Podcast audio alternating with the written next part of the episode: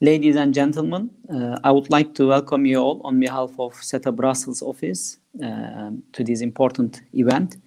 Uh, tonight we are going to discuss the current conflict in the Nagorno-Karabakh region of the Azerbaijan. As you know, the Nagorno-Karabakh was occupied um, in the 90s by Azer uh, Armenia, and since then it is occupied, and uh, since then there was a fragile ceasefire uh, in the region. there was now and then um, some uh, skirmishes between the uh, Azerbaijan and Armenia. But in the last month, um, we have uh, a new conflict started in the region, and we haven't witnessed this kind of conflict in the region in the last 26 years. and today, we have three distinguished ambassadors with us, and we are going to discuss uh, the current situation in the Nagorno-Karabakh, and also we are going to discuss possible um, diplomatic uh, solutions uh, to the conflict, and if also it is still possible a diplomatic solution uh, in the in the in the region. Uh, as I have mentioned, we have three distinguished speakers with us. We have Fuat Iskandarov, His Excellency Fuat Iskandarov, Ambassador of Azerbaijan to Belgium and the head of the mission of the Republic of Azerbaijan to the European Union. Uh, welcome, uh, Mr. Ambassador. Thank you. Thank you. We have uh, Matthew Bryza, retired, His Excellency Matthew Bryza, retired ambassador um, from United States. And also we have Yonet Can Tezel, His Excellency, Ambassador and Director General for the Eurasia, Turkish Foreign, Minister of Foreign Affairs. So uh, as you see, we have three uh, um, ambassadors and one retired ambassador, and they are uh, skilled uh, and uh, experienced diplomats. Uh, and and we are going to discuss today the Nagorno-Karabakh issue. I would like to start with Mr. His, Ambassador Fuat Iskandarov. since you are representing Azerbaijan, um, I would like to uh, ask you about your opinion. Uh, I mean, the, there were, as I mentioned, skirmishes between two sides in the last 26 years, but so far this is the this is the most serious, uh, I mean, uh, conflict that we are seeing in the region in the last 26 years. Why do you think it has started now? What was the reason, uh, do you think, behind this uh, current situation? And do you think also still a possible, I mean, a, a solution, a diplomatic solution to the problem is still possible, or uh, the solution will be uh, more mili uh, by military means? So, what is your, uh, let's say, analysis of the uh, current situation? Uh, thank you so much. First of all, I welcome everybody in this in this webinar, and of course, I would like to express my appreciations to SETA for this opportunity.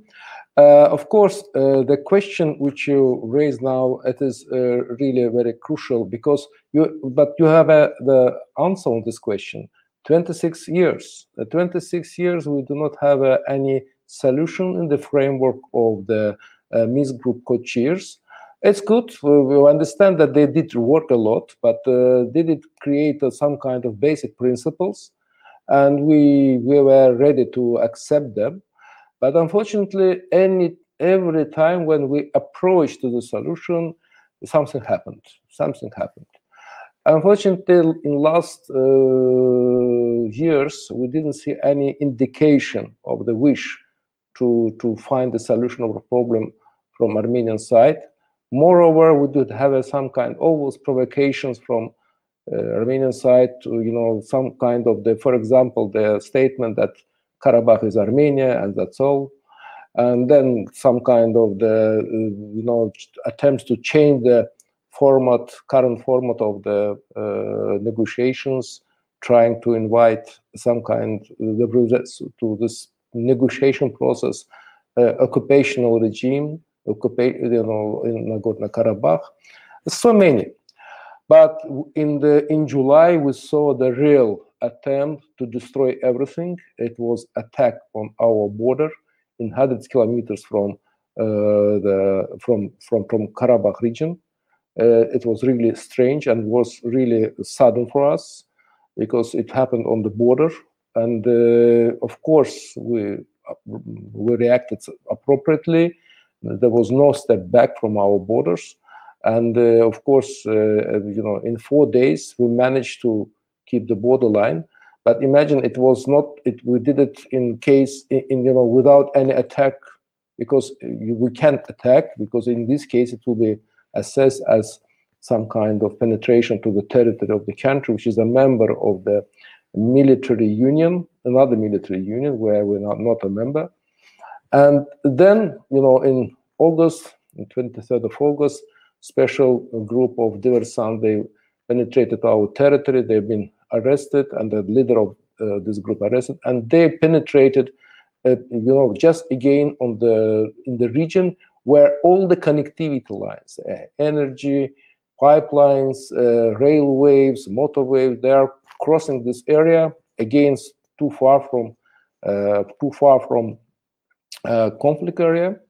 And then in September, in one day, 11 civilians have been killed by you know uh, attacks, artillery attacks of Armenian side. Of course, we responded appropriately, and now we do have what we have. The the situation is uh, going, uh, you know, in you know in the way of uh, some of the occupation of our territories. Both sides, of course, would like to have a peace, but would like to have a peace and our territories back. That's that's absolutely clear. And of course, uh, now I don't want to go to the details of the military clashes, but just inform you that you know about the two attacks, missile attacks on second city of Azerbaijan with 500,000 of people, Ganja, and uh, the last one happened just immediately again immediately after ceasefire uh, ideas of uh, you know um, provided by President Macron. The first one immediately after the ceasefire idea, uh, humanitarian ceasefire idea provided by uh, Russian Federation. And as, as, a result, we have uh, 61 casualties, uh, killed, killed civilians, 282 injured civilians, 1,846 houses destroyed, uh, you know, nine multi uh, apartments, residential buildings, and uh, th- more than 300 city facilities damaged. Our Terter became as a Stalingrad now. Ganja, you know, you saw the, the pictures and you know everything about it. But you know, we never react on the, on the same way. We our reaction uh, was on on the battlefield. I would like also to inform you that it's crucial to understand that uh, from uh, you know uh, Azerbaijan never react on such kind of terrorist vandalist attacks by some the same uh, uh, approach as it was provided. Uh, maybe maybe you heard, for example, about so many terrorist attacks happened on our territory, but never heard about any terrorist attack provided by Azerbaijani side on the territory of Armenia. We never did it. It's not our approach. If we are going, uh, you know, would like to achieve our goals, we are going on the battlefield, on the military battlefield, and that's all. Of course, we'd like to express our uh, our mm, gratitude, our thanks to our strategic brotherhood countries. First of all, to Turkey for the very strong political support of my country. It's crucial for us. It is crucial. Of course, to other countries, to Turkish Council, to, to Pakistan, to Organization for Islamic Cooperation, and for uh, non-alignment movement, where we have a presence now. So if you speak, you know, globally, uh, you know, everybody, you know, a lot of countries in the world, they understand the situation, and they understand that it's, you know, in which direction we're going. And now a lot of other countries, they understand that that tectonic shifts in the region and it is not a story just about the, some kind of local conflict, local war, but our behavior is absolutely clear and without any hidden elements. Uh, you know, the, the, the so leader of Armenia did call to different leaders all over the world. Uh, you know, was uh, you know screaming, crying about about the situation. So many, you know, so many you know, uh, uh, persons, leaders in the world have been disturbed by his calls. Just you know, one country, five a leader one five times, another one four times, and you know it is some. But my president didn't call to anyone except our traditional strategic partners, neighboring countries, one time. That's all. From this point of view, of course, uh, this political support encourages us to go to political solution of the problem. But the political solution of the problem is absolutely clear. It's a, you know, uh, basic principles. It means liberalization of the of our occupy, you know, now occupied territories.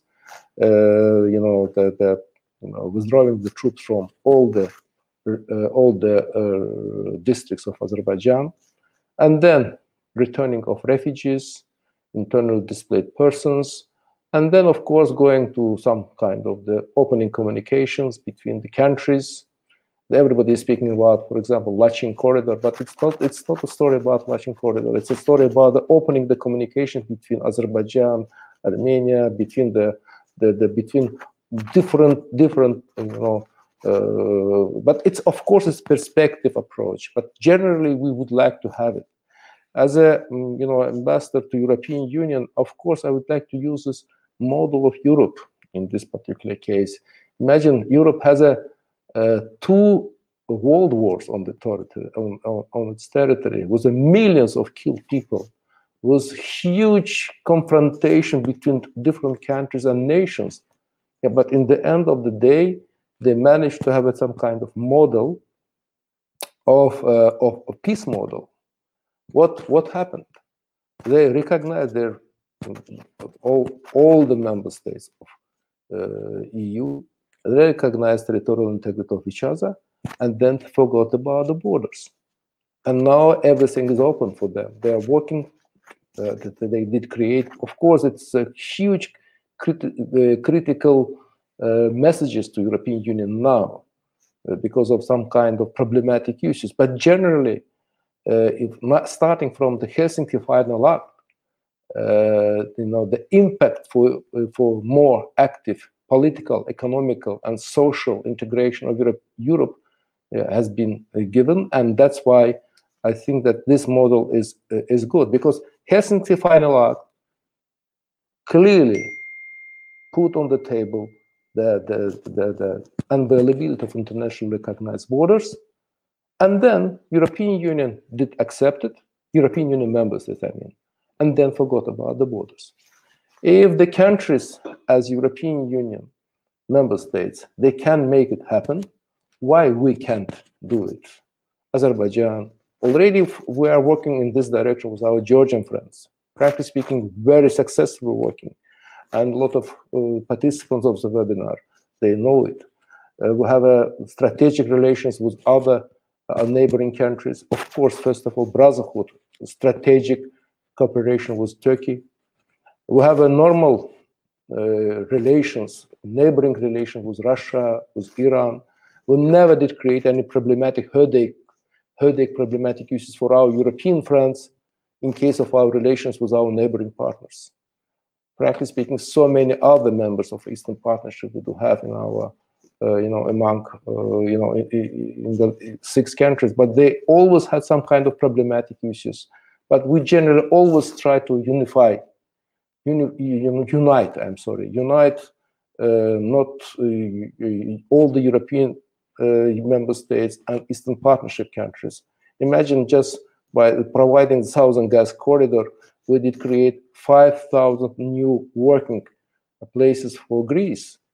And it's a real investment to, uh, to European uh, Union. And you know how, how is Azerbaijan economically is one of the engines of Eastern Partnership. There is no any other uh, multilateral project in Eastern Partnership except, except uh, the connectivity project led by Azerbaijan and energy project led by Azerbaijan. That's why I would like uh, to express my hope that we will find the political solution of the problem, of course, based on the uh, on the basis principles, and of course, all the world are finishing with it, and we will find it in and, uh, and the European model could be very attractive for us, not only now, but also after, because the peace is not only the, the document, it's a, some kind of the development, reconstruction. Thank you.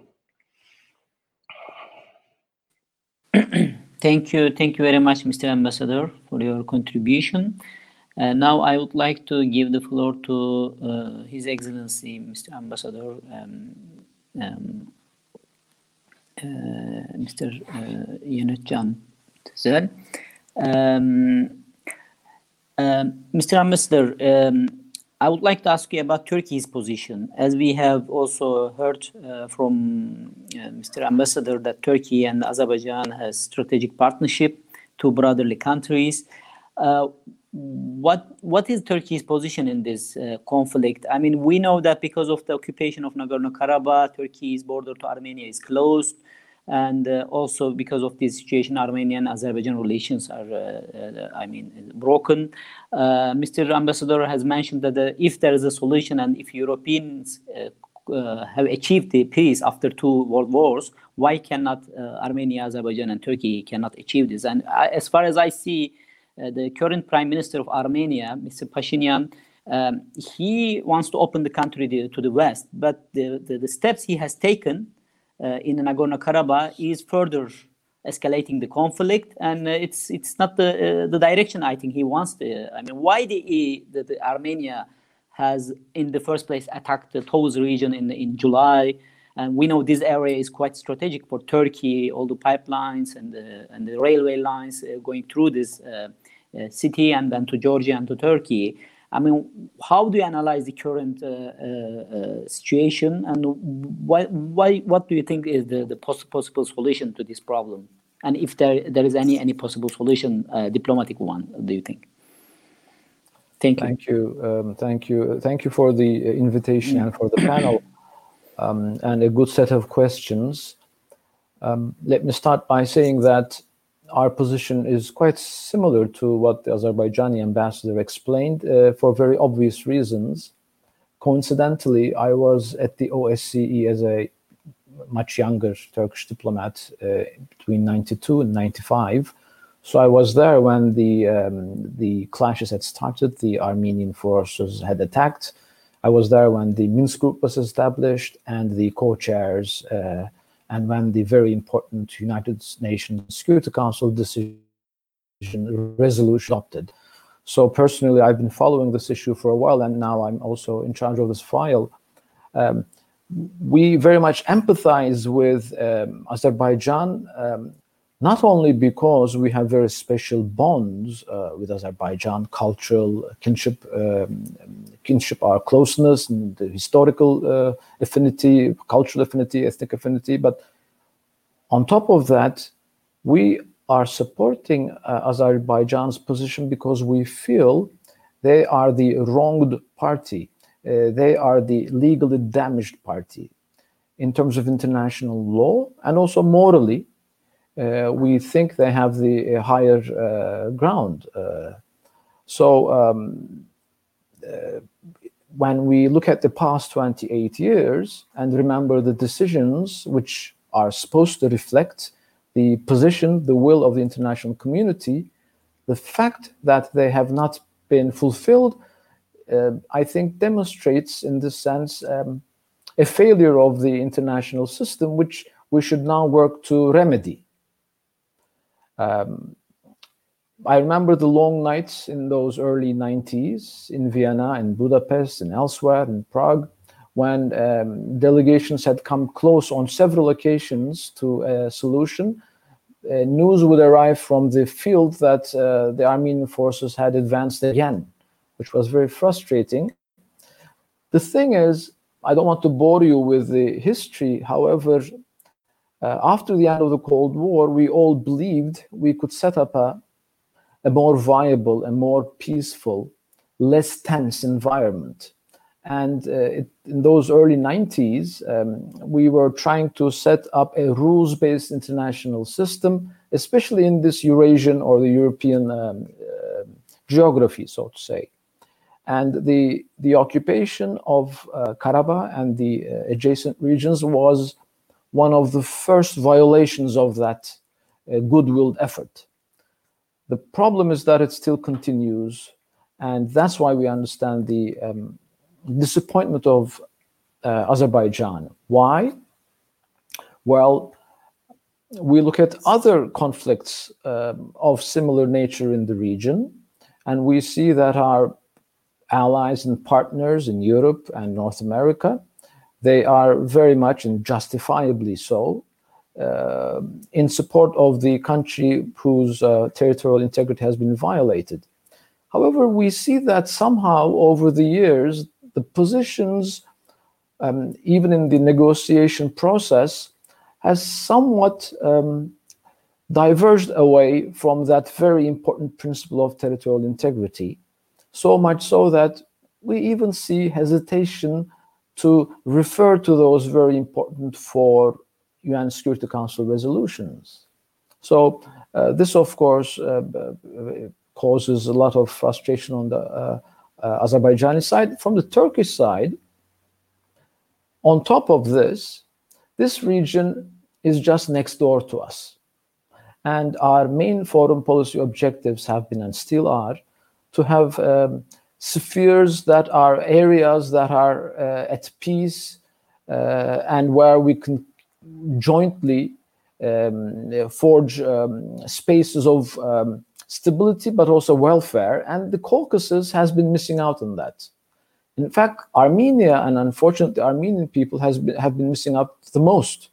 With uh, Georgia and with our Azerbaijan, we have very good relations. And some of the infrastructures uh, projects that have been realized, um, Armenia has not been able to be in those because of uh, the fact that they have been unfortunately chosen to be the the problem maker, the the the spoiler in the region. We hope that it will be overcome. Now um, it's difficult. Going to back to some of your uh, other questions, why Armenia attacked in Tovuz in July? It's difficult because as analysts or diplomats, we try to put ourselves in the position of uh, the actor um, I think there's some confusion, some different state of mind in in Yerevan, and I you know I should not comment too much on that. But I'm I'm you know I asked one of my colleagues to to uh, outline some of the examples of the discourse coming out of Yerevan, and it's striking and speaks to their um, state of mind, which is not very um, helpful to, to to us. I see, for example, uh, things like this is a clash of civilizations between civilization and barbarism, between good and evil. Um, also, talk about the Turkish uh, Azerbaijani genocidal uh, alliance. And um, if you don't stop them, the Turks will be again at the gates of Vienna. Uh, and uh, even things like um, the, the, the, new Hitler in, um, of Asia Minor. Now, um, these discourses, unfortunately, they are from uh, Mr. Pashinyan himself. These could be because he wants to get some sympathy from those who might still um, buy into this sort of discourse. Uh, that's a problem by itself, and so I think it's self-deceptive, self-deceptive, self-deceiving. But uh, in case that he and they believe this, it's even worse. So um, where we find ourselves is uh, certainly, uh, you know, as Turkey, we want stability in this region, the Caucasus, so that we have good relations with all parties. Want to trade. Want to have exchanges uh, have channels of communication and transportation. Uh, that's our vision for the region, but it's it has not been possible because this conflict has been a has been a major um, um, obstacle. We have a saying in Turkish: from a lot of this sort of negativity, could something positive emerge? Uh, we are keeping fingers crossed and working towards that. What do I mean by that? What we now need, we believe, is that we need to reinvigorate, revitalize the negotiation process. That has unfortunately not produced much. Uh, the co-chairs, for example, yes, in the past they've done valuable work. Um, we, Turkey is a permanent member of the Minsk group, and the co-chairs uh, of the Minsk group have, have done some work, indeed, in the past. Um, but the end result isn't much. Yet, we are proposing to uh, approach the whole negotiation process. After all, negotiations are needed, naturally, for peace to be lasting. Um, uh, we, we we want the negotiations to, to restart, this time keeping the final settlement always in focus. Because in the absence of that, what has happened is um, this has allowed the Armenian side to evade the final settlement and uh, complicate the, the, the, the process uh, and reach no results. And this no results uh, state of affairs has rewarded the occupier. Uh, that has to change, and I, I, really believe this will also be in um, in um, in the interest of Armenian uh, Armenian people, uh, so that we have stability uh, in this region. Um, so the actions, the decisions of Yerevan could be that um, thinking in the um, in the with the mentality that the more they create this or that complication, um, the more um, the negotiation process will be futile, will be fruitless, and the occupation will continue. I think that's the crux of the matter. I hope we will be able to overcome that. Uh, and there is a lot of moral, political, but very importantly, international law grounds uh, for moving ahead. But what we need now is something beyond just another uh, fragile ceasefire, something more concrete, result oriented, and keeping a focus on um, reaching uh, a final settlement on the basis of international law. By that, of course, obviously, what is meant was the, were the very clear uh, United Nations Security Council decisions, and on top of it, of course, the uh, OSCE principles. Um, so I, I, am a born optimist. Uh, we should uh, continue this way. We should continue, and uh, we hope that common sense will prevail. I think um, these would be my uh, starting points. I'll be happy to answer your questions. Thank you, thank you, uh, Mr. Ambassador, for your contribution. Uh, now I would like to um, move to our third speaker, uh, His Excellency uh, Mr. Ambassador um, Matthew Bryza. Uh, Mr. Bryza, you have also served as the um, co-chair of the OSCE Minsk group in the past, so you have first-hand knowledge of the, the conflict as well as the other speakers. Um, so, I mean, the, it's quite complicated. One of the old frozen conflicts in this uh, in uh, in the former Soviet republics, and we know many actors are involved here. Uh, Russia is one of the uh, one of the leading actors in this region as well, and we know the the role Russia is playing in Armenia, uh, and um, also uh, the United States has a stake, I, I think, also in the region. in this, um, I mean, in the last last eruption of the conflict, we see that Russia is a little bit hesitant. Uh, I mean, in the past, it was forcing uh, both sides to, you know, the uh, accept a ceasefire, and uh, and uh, and it was more involved in the, you know, continuation of the status quo. But now we see a more reluctant Moscow. First, I would like to ask you, why do you think that Moscow is more reluctant nowadays? Mm. Second, what is U.S. position? We know there are elections in the United States, and nobody is quite really interested what is going on. But still, I hmm. mean, uh, obviously, it is important.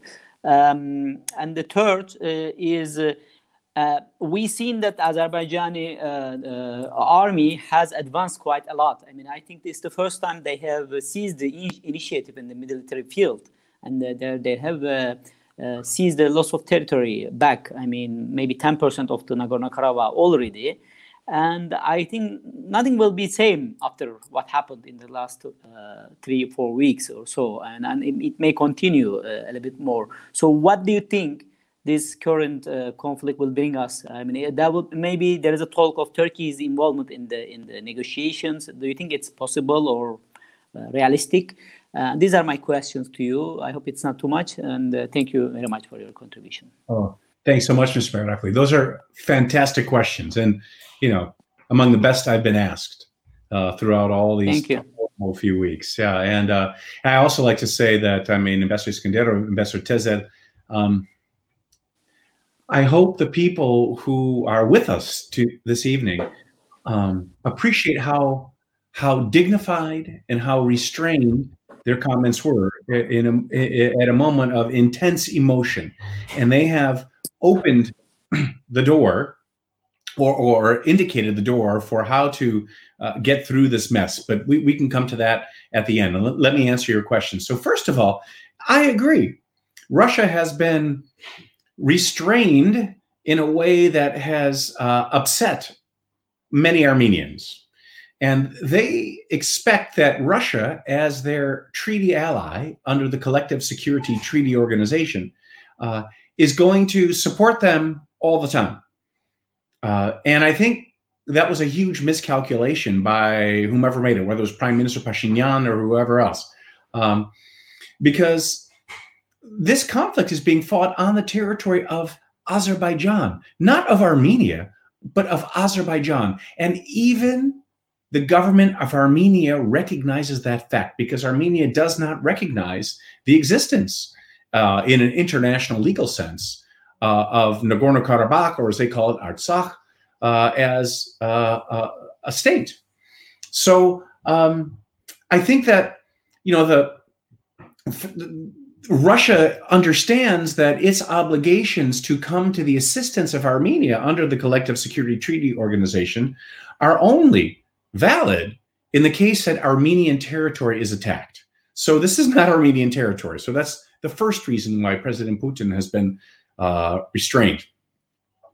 The second reason is, and for anybody who who is Armenian or loves Armenia, uh, I, I, apologize if I offend you, but you know, I, I, I my job for many years was uh, the impartial U.S. mediator of the Nagorno-Karabakh conflict. So the U.S. co-chair. I, I, did that for three years, but before that, on President Bush's staff for four years, I was thinking through, brainstorming with my colleagues in Armenia and Azerbaijan and many other places. Uh, how do we come up with a way to uh, resolve this conflict? And that, and, and you know, together that all became the basic principles. So um, I think that uh, President Putin um, wants to avoid getting Russia involved in the fighting because A, that costs Russian lives, and B, because Russia is already deeply embedded in Armenia. Um, you know, anybody who understands what's happening in Armenia knows how profound Russia's influence is. And it's understandable from Armenia's perspective. History has been very complicated and horrible, and Russia has been, from Armenia's perspective, a protector. Um, but you know, Russian business interests dominate so much of the Armenian economy, and then Armenian business people, businessmen, oligarchs, are extremely influential in Moscow as well. So there's a symbiotic relationship between Russian political leaders, Armenian business leaders, and therefore Armenian politicians. Uh, that, that's one key piece. Hmm. Another important piece, second one, I have three, is that if Russia is already so deeply embedded in Armenia, in business, as I just described, or in terms of commanding Armenia's border guards, or given that Russia has a military base, actually two military bases on the territory of Armenia, uh, or that Armenia's uh, airspace is integrated into Russia's airspace. Russia has accomplished, you know, pretty much all that it can accomplish in Armenia in terms of being dominant. So if you're if you're thinking like a CEO of a company, if you want to grow your business, Azerbaijan is where you can grow your business, and Azerbaijan has a lot that's very attractive for growing your business economically geostrategically. I mean, Azerbaijan is the only country that shares a common border with both uh, Russia and Iran. And my third point at this point is that I think President Putin is reserved because he he really does not like Prime Minister Pashinyan, eh, not in a personal sense, uh, but because Pashinyan is his greatest fear. Prime Minister Pashinyan is an independent, non political politician who came to power through popular protests that overthrew the old regime. Again, th- think about what President Putin's worried about. That's exactly what he worries about in Russia. You've got protests. The 100th day has just passed uh, of protests against essentially President Putin in in uh, the Far East, in in uh, Primorsky Krai. Oh no, Kras- uh, no, sorry, in yeah, in uh, Khabarovsk. Um, you've got these demonstrations in Belarus against Lukashenko, uh, and you had you know you've had years of demonstrations against Putin uh, through popular protests on the streets of Moscow. So that's that's the second, or that, that, that that's really the third most important point. So um, I think President Putin is is sitting back for all those three reasons. The U.S. What's the U.S. approach? Yeah, I agree with you that the U.S. is is um, not really focused. Um, we're in the middle of a huge election campaign. Even though I live in Istanbul, I say we. Um, in, in, the context of the COVID pandemic, as well as uh, the Black Lives Matters movement for those in Europe who've been following that, uh, a sense that there's systematic racism in the United States that has to be addressed and defeated. Um, and then you have a uh, presidential candidate in, in Joe Biden who has a history of being uh, finding common ground with Armenian Americans and Greek Americans and Cypriot Americans. And, you know, as an American, that's not bad. That, that's how our democracy works. Um, but that's a factor that, that complicates uh, the, the way forward. Um, so I think that President Trump, I'm, I wish, sorry, I wish that President Trump, all things being equal, would recognize that the Nagorno Karabakh conflict is one issue on which he can do what he said during his campaign he hoped he could do, which is improve relations with Russia. You know, we're, we're totally at odds with Russia, even under President Trump, in Ukraine or in Georgia or on the US elections.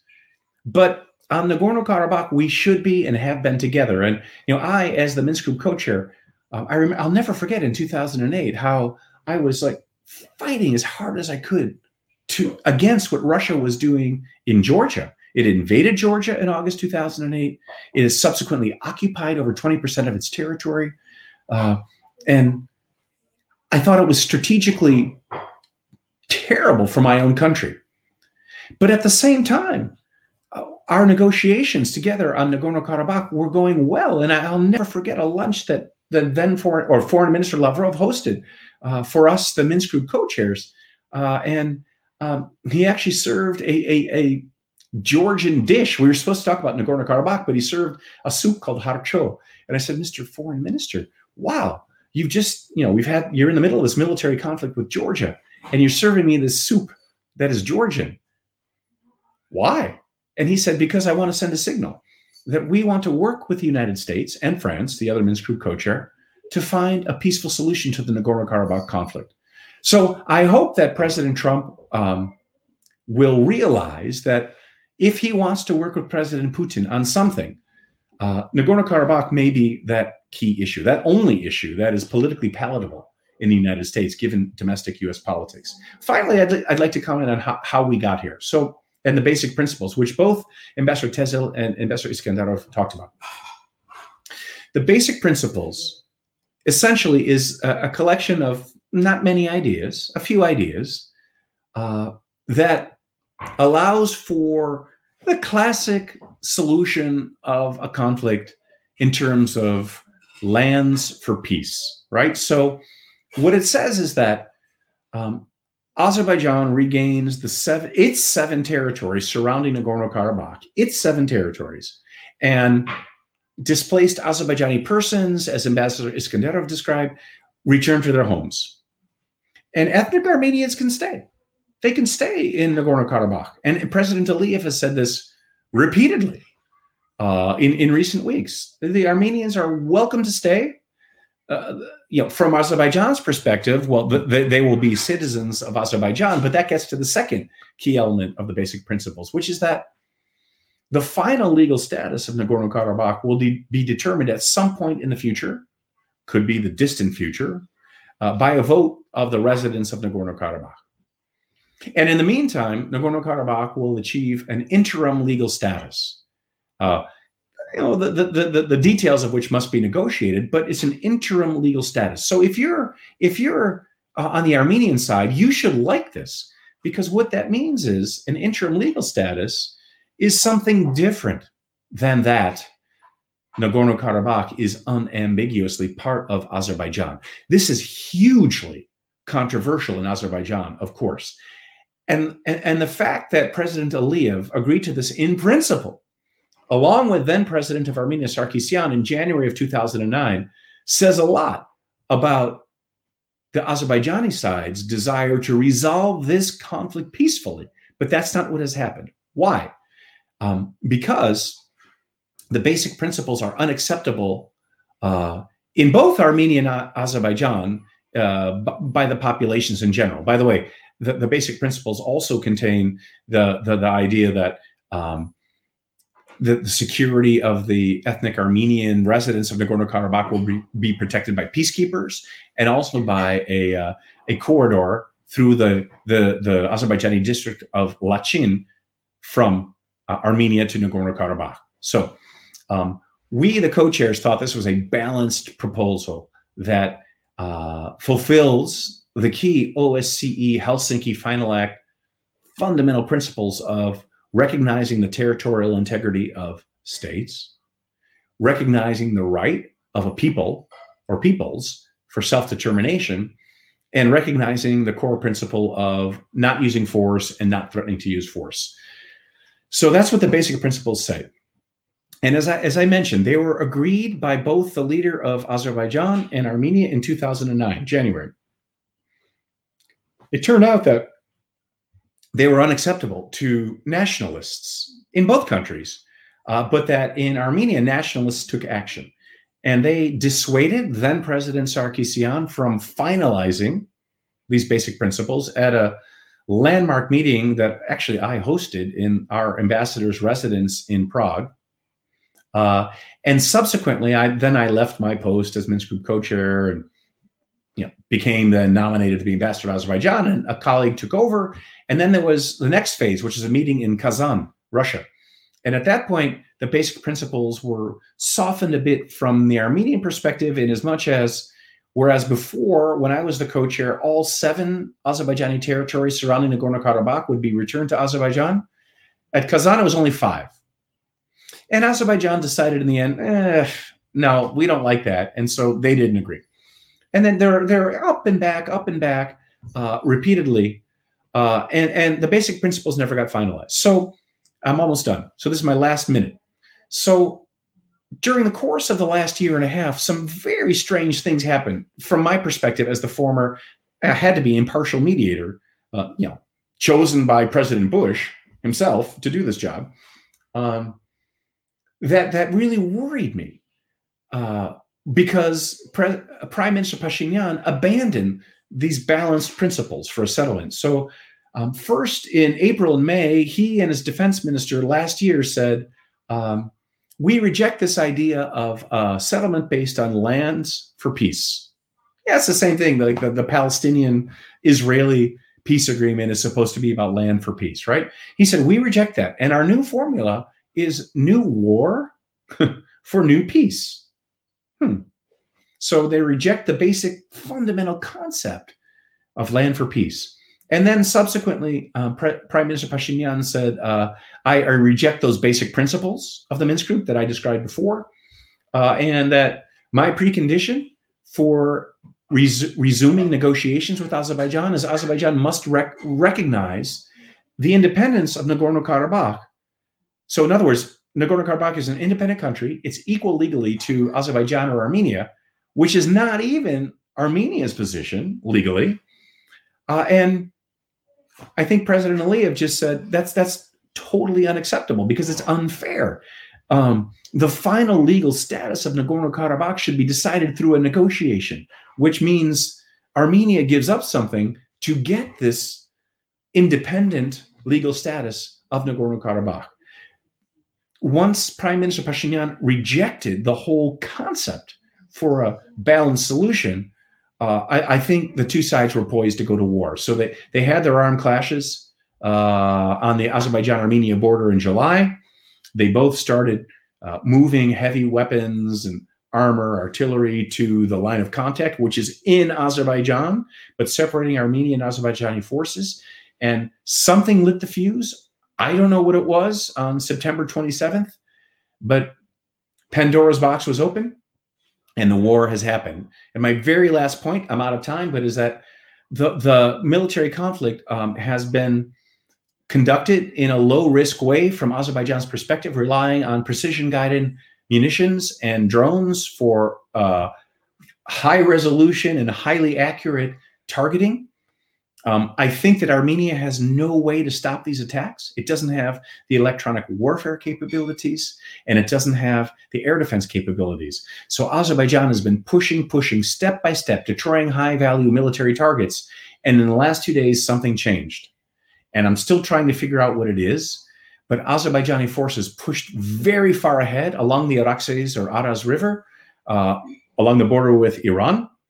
It prompted Iranian civilians on the Iranian side of the border to be who are ethnically Azerbaijani to cheer for Azerbaijan moving forward. And and I heard early this morning that there's been shelling of the uh, the corridor, the Lachin corridor that connects Armenia with Nagorno Karabakh. So something seems to have broken and changed in the last couple of days to Azerbaijan's advantage militarily. Um, and I think the key is that everybody gets the parties back to the negotiating table as soon as possible on the basis of the Madrid principles or the basic principles that I outlined before for a balanced solution. Thank you. Thank you. Thank you very much, Mr. Ambassador. Um, I will ask uh, one question for each of the speakers, and I would like to start again with you, um, maybe. Um, you mentioned that the Pashinyan, I mean, strange things happened in, in Armenia, um, but uh, as far as we know that he was a popular leader. Uh, he got um, uh, overwhelming the majority uh, of the votes from the electorate and he was elected as prime minister. Um, and we, if we look at the balance of power, militarily speaking or economically speaking, it has shifted towards Azerbaijan. And it doesn't make sense in my own mind that uh, Armenia uh, starts an attack or uh, towards Azerbaijan or rejects all these basic principles. That doesn't make sense. I mean, how do you explain this? I mean, the, I mean, probably that's my own uh, analysis. We will see that Pashinyan will lose his seat at the end of this uh, current. Uh, I mean, however it may end be, I don't know. But even if today's uh, losses for Armenia, in terms of equipment, personnel, and the, the land that they were occupying, I mean, it's huge. Uh, uh, I mean, so probably he will lose his seat. So what was the calculation behind this? I mean, I, I don't, I cannot really comprehend. Again, I'm sorry to repeat, but that's a great question. So insightful. And I wish anybody in the hundreds of, of interviews I've done on TV had asked me that question. So I think that uh, uh, it, it, a couple of issues or a couple of explanations. Um, one, he knows that he's from outside the system.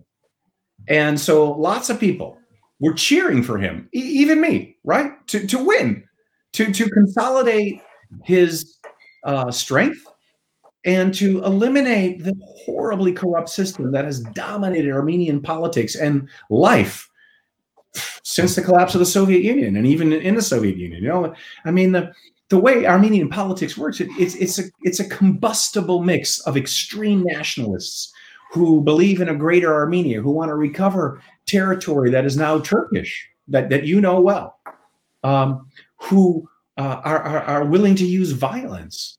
Uh, and, and then also um, people from the, the uh, Karabakhi clan, as they call it. So Robert Kocharyan and Serge Sarkisyan, who were military commanders from Nagorno-Karabakh during a war, who became the leaders, the presidents of Armenia.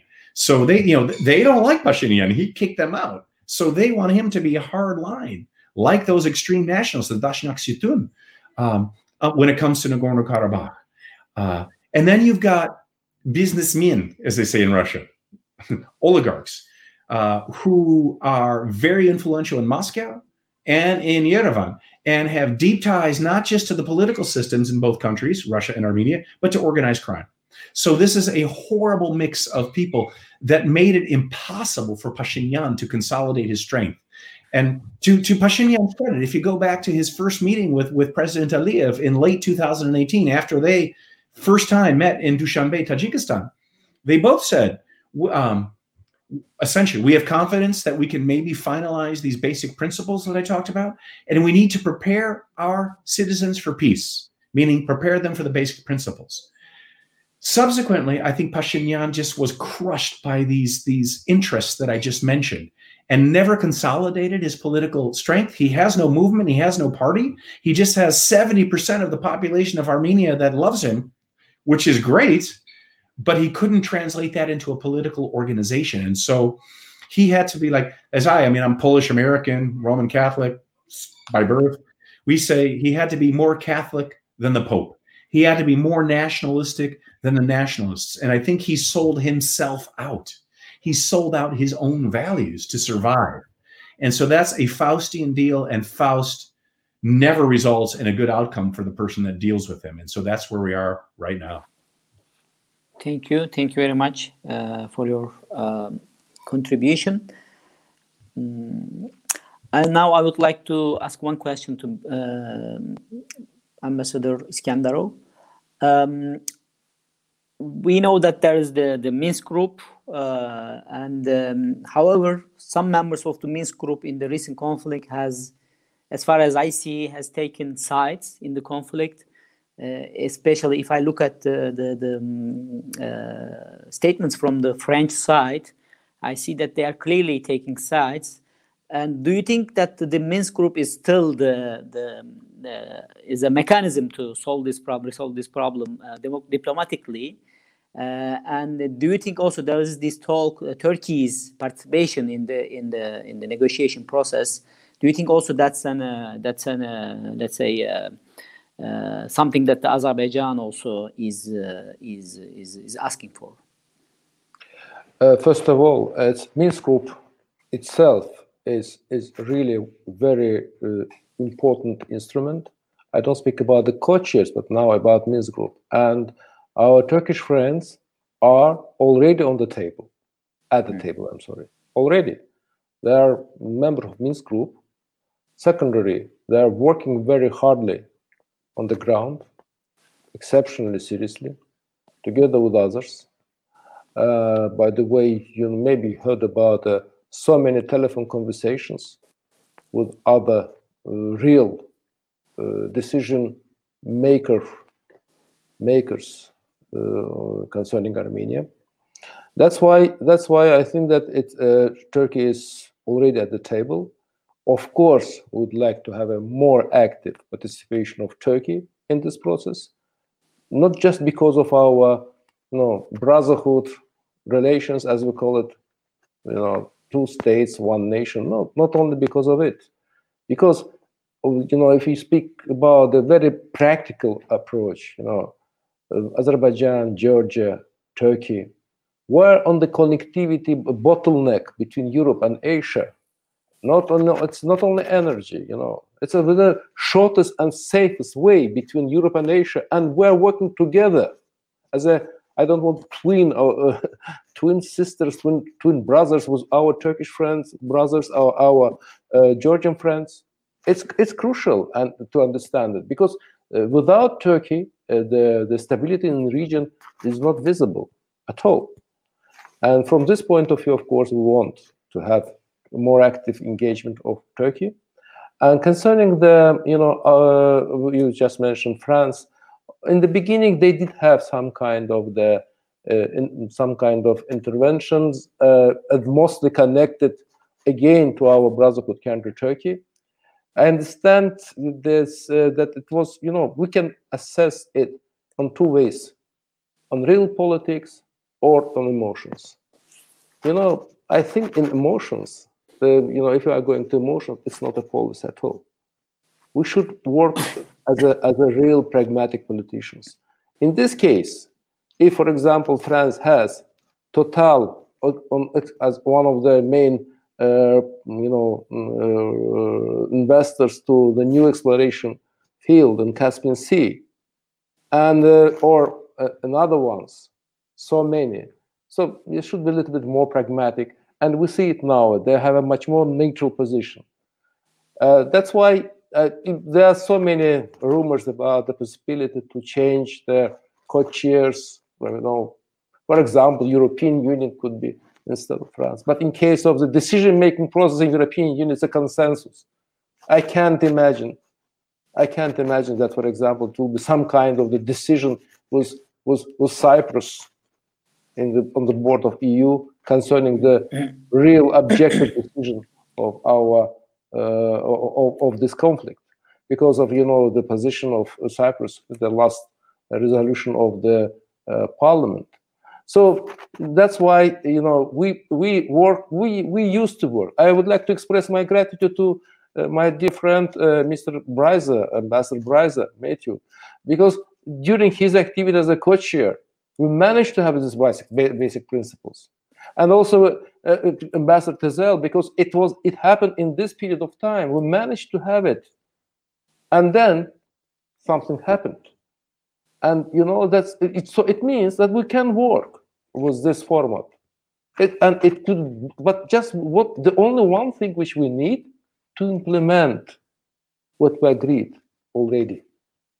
To have a substantive negotiations not just a negotiations to keep the status quo substantive negotiations result oriented negotiations and that's all doesn't matter with whom are working who are mediators if you want to find the peace solution, peaceful solution, you definitely will find it. Thank you. Thank you. Thank you very much. And uh, now I'd like to ask also one question to um, Ambassador Tezel. Um, I also asked uh, uh, Mr. Bryza about the calculation behind uh, behind this decision of Pashinyan to um, attack Azerbaijan if I may say so. I mean, uh, what do you think also? What is your understanding? I mean, what is going on in Yerevan? I mean, why has uh, Pashinyan taken these decisions in the last couple of uh, months? And then we see this now, the eruption of the, uh, the new conflict in the region. And the second one also is, is involvement of Turkey uh, uh in this uh, process. I mean, uh, what do you think? What will bring this to? because from my point of view, I mean, we see that Russia is is looks impartial, but taking more like inclined to take the part of the Armenia. If you look at the the, the, the relations with the Armenia, the the, the weapons, uh, you know, aid to Armenia, and the, the also the, the Russian um, bases in, in military bases there, and etc. And uh, France, the current statements, uh, maybe in the past they were more impartial. They, uh, however, so it looks to me that that's not, that's not unfair. That's also the the uh, let's say um, the feeling in Turkey. Somehow Azerbaijan is left alone in this process. And do you think that's also uh, uh that will help uh, the, to, to solve the problem? Well, starting from the last, obviously Azerbaijan is not alone. Hmm. Uh, and um, I should not comment too much about um, as as a diplomat, as a um, civil servant, too much about uh, the head of government of another country.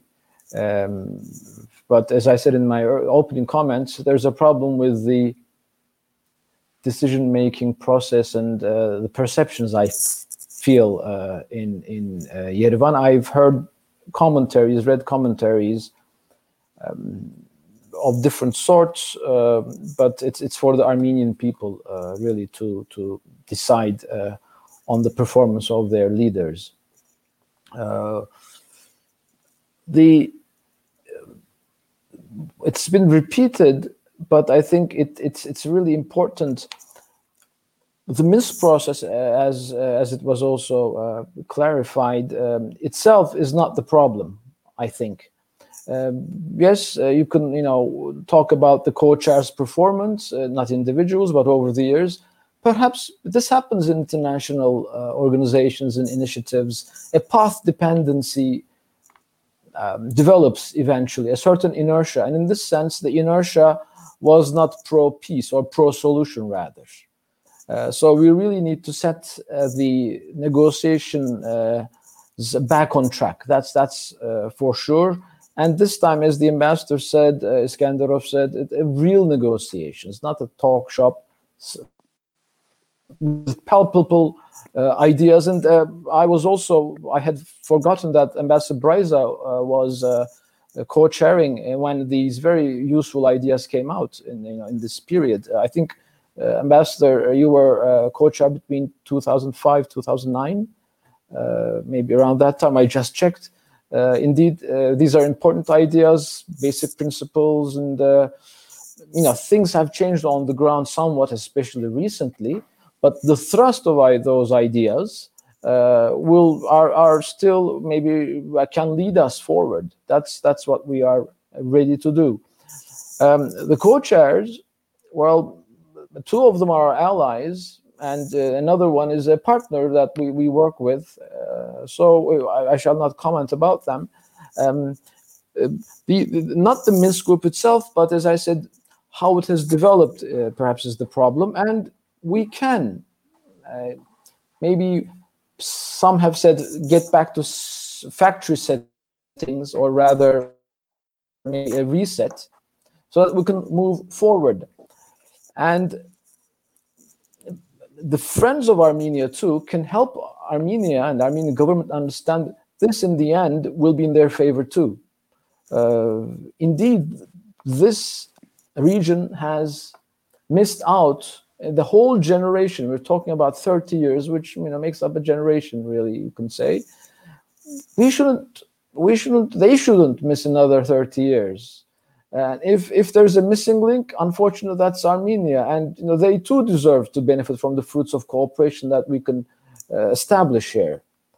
Um, now, when you go into the details, there are different actors affecting Armenian decision making, and understandably so. It is true for uh, other countries as well. But the diaspora, I don't think, has been very uh, uh very helpful in this respect it seems they have contributed to intransigence in Yerevan over the years. Um, and that's uh, that's been very unhelpful. Um, so we should keep that in mind. Looking at what's been happening on the ground recently, I should also say that the attacks from Armenia, Armenia proper, into Azerbaijan's territories, which have nothing to do with the conflict, are telling. And the fact that civilian targets uh, have been hit is something uh, in the first few days escaped the attention somehow. Um, some uh, there were some blind eyes turned on that in that respect, but now increasingly that's being recognized. These are serious violations of humanitarian law. Uh, if you remember, was it two years ago when the Armenian defense minister had mentioned about the possibility of attacking the Mingachever Dam, the hydroelectric power plant, which has happened. Thankfully, you know, uh, I think uh, it wasn't uh, didn't create a big big um, damage or catastrophe it could have, but and Ganja, the, the second biggest, biggest city, the, the, the, shells the other day fell, you know, and killed people who were burying their dead in, in the graveyard. Um, I mean, if not now, when is the time to talk about the, um, you know, the, the, the, war crimes or violations, uh, flagrant violations of international humanitarian uh, law on the part of uh, Armenia? If not now, when? Uh, so that also creates a perception of double standards and grievances on the part of Armenia and others and uh, which infuri infuriates them, and we, we which we understand. But the the way the negotiations and the discourse coming out of mediation developed over the years is also uh, unfair in the following way: the notion of impartiality that what you that's what you expect from uh, yeah, mediators that impartiality should not mean does not mean and should not mean being equidistant whatever the parties do just stay in the middle. That that doesn't work that's not healthy impartiality and impartiality is a um, is a commitment of the co-chairs. But oh, you know, not only the co-chairs, quite a few countries they think in very conventional terms, and they say, "Oh, there is fighting, and I'll just stay in the middle. I'll be equidistant to both parties." That rewards the aggressor, the um, the the occupier, and it's it, it penalizes the the the party which is wronged, uh, the victim. So that's been one of the problems. We hope that um, we can overcome that. And there are some signs of it. As Turkey, we will be ready to, to contribute as much as we can. As I said, this is in our national interest. Had Azerbaijan been another country, based on our understanding of international law and our preference for stability in our region, we would still um, on the side be on the side of that actor which has been occupied. And uh, uh, which because simply because that constitutes the, uh, the the the the essence of the problem, and as I said in the beginning, now is the time to focus on the final settlement, the the the, the viable settlement, um, which has to, and there is no alternative to to it, and the occupation. All these basic ideas the UN Security Council decisions took that as a basis. Now you can talk about the um, modalities of that, but that has to happen. There is no alternative, and we will do a good service to the whole region, including Armenians, if we uh, uh, we somehow get uh, get the Armenian government to think also along these lines. Thank you. Thank you. Thank you very much. There is one last question, um, and uh, that is about the, um, the role of uh, Iran in this conflict. And one of our viewer, uh, he or she asks, uh, why does Iran support Armenia? And why the US canceled its uh, arms embargo? And I would like to direct this question to um, Mr. Bryza. Um, Sure. Well, oh, yeah, I, I, I thought I lost you for a second. Um, so the government, yeah, the government of Armenia, I think, has been supportive. I mean, the government of Iran has been supportive of Armenia for basically the reason of countering the United States and the EU in partnering with Azerbaijan on not only exports of oil and gas to the European Union space, but in general to to helping Azerbaijan connect with Georgia to Turkey and then onward to the EU in in a strategic sense. Um, and that's been going on since President Bill Clinton's administration, since the mid 1990s. I mean, that's been the U.S. policy. That that's how I got involved in this whole region in the first place. In fact, was by being you know one of the two people on President Clinton's staff who was working with Turkey and Georgia and Azerbaijan to develop uh, a network of oil and gas pipelines that Azerbaijan uh, some breathing space from Russia's uh, uh, attempt to monopolize export routes. Um, so Iran didn't like that. Um, but now what we're seeing is that, it, particularly in northern Iran, well, back up, Iran, you know, like one fifth of its population is ethnically Azerbaijani, right? As many people on this uh, call know. And the supreme leader is Azerbaijani. Rafsanjani was Azerbaijani. Many, many Iranians in northern Iran are Azerbaijani. I mean, it's called South Azerbaijan and East and West Azerbaijan, right? Tabriz is an Azerbaijani city. And so during the course of these last few weeks, um, there have been protests across northern Iran demanding that the government changes its policy and stops, in fact, closes the border with Armenia right? So to help Azerbaijan, and if you, you know, there's so much video now out there on, on Twitter and elsewhere of um, ethnic Azerbaijanis in Iran uh, chanting that Karabakh is, is Azerbaijani, and then there was, I mean, compelling video yesterday of Azerbaijani troops advancing along, as I was saying before, the Aras or Araxes River uh, uh, in the border with, with, with Iran and Iranians causing a traffic jam, getting out of the cars and, and chanting the same thing, you know, Azerbaijan and Karabakh is Azerbaijani. So I think that this whole issue is a, a domestic political one uh, in, in Iran right now that is potentially creating instability. Um, I'll bet, I don't know, but I'll bet that people in Washington are wondering is there a way to exploit that? And I hope they're not uh, because this this conflict needs to be brought to a conclusion on the basis of what both Ambassador Iskandarov and Ambassador Tezel were saying, the basic principles. It's the we've tried so many other formulas. This is the one fair formula for both sides. And Azerbaijan has has been succeeding on the battlefield. It's changing the political map. There are new realities out there that will allow Azerbaijan to enter into these negotiations from a position of strength I, I, can imagine from the Armenian perspective that seems unfair, but you know, for all these last 30 years, the, the table has been turned. And because Armenia was so successful militarily with Soviet help, at a moment when Azerbaijan was in, in great political peril and weakness, uh, you know, Armenia was able to occupy these regions. So, you know, karma, political karma has returned. Um, and so, so, so, so I, I just hope that the Iran angle won't become really predominant in this, and that all of us in the international community will focus on a balanced, a fair, and a final resolution of this conflict, which is available and was preliminarily agreed in January 2009 by the leaders of both Armenia and Azerbaijan. Thank you. Thank you. Thank you very much. Uh, I think we had a fruitful uh, discussion, and I would like to thank uh, all of you for your participation and contribution. contribution.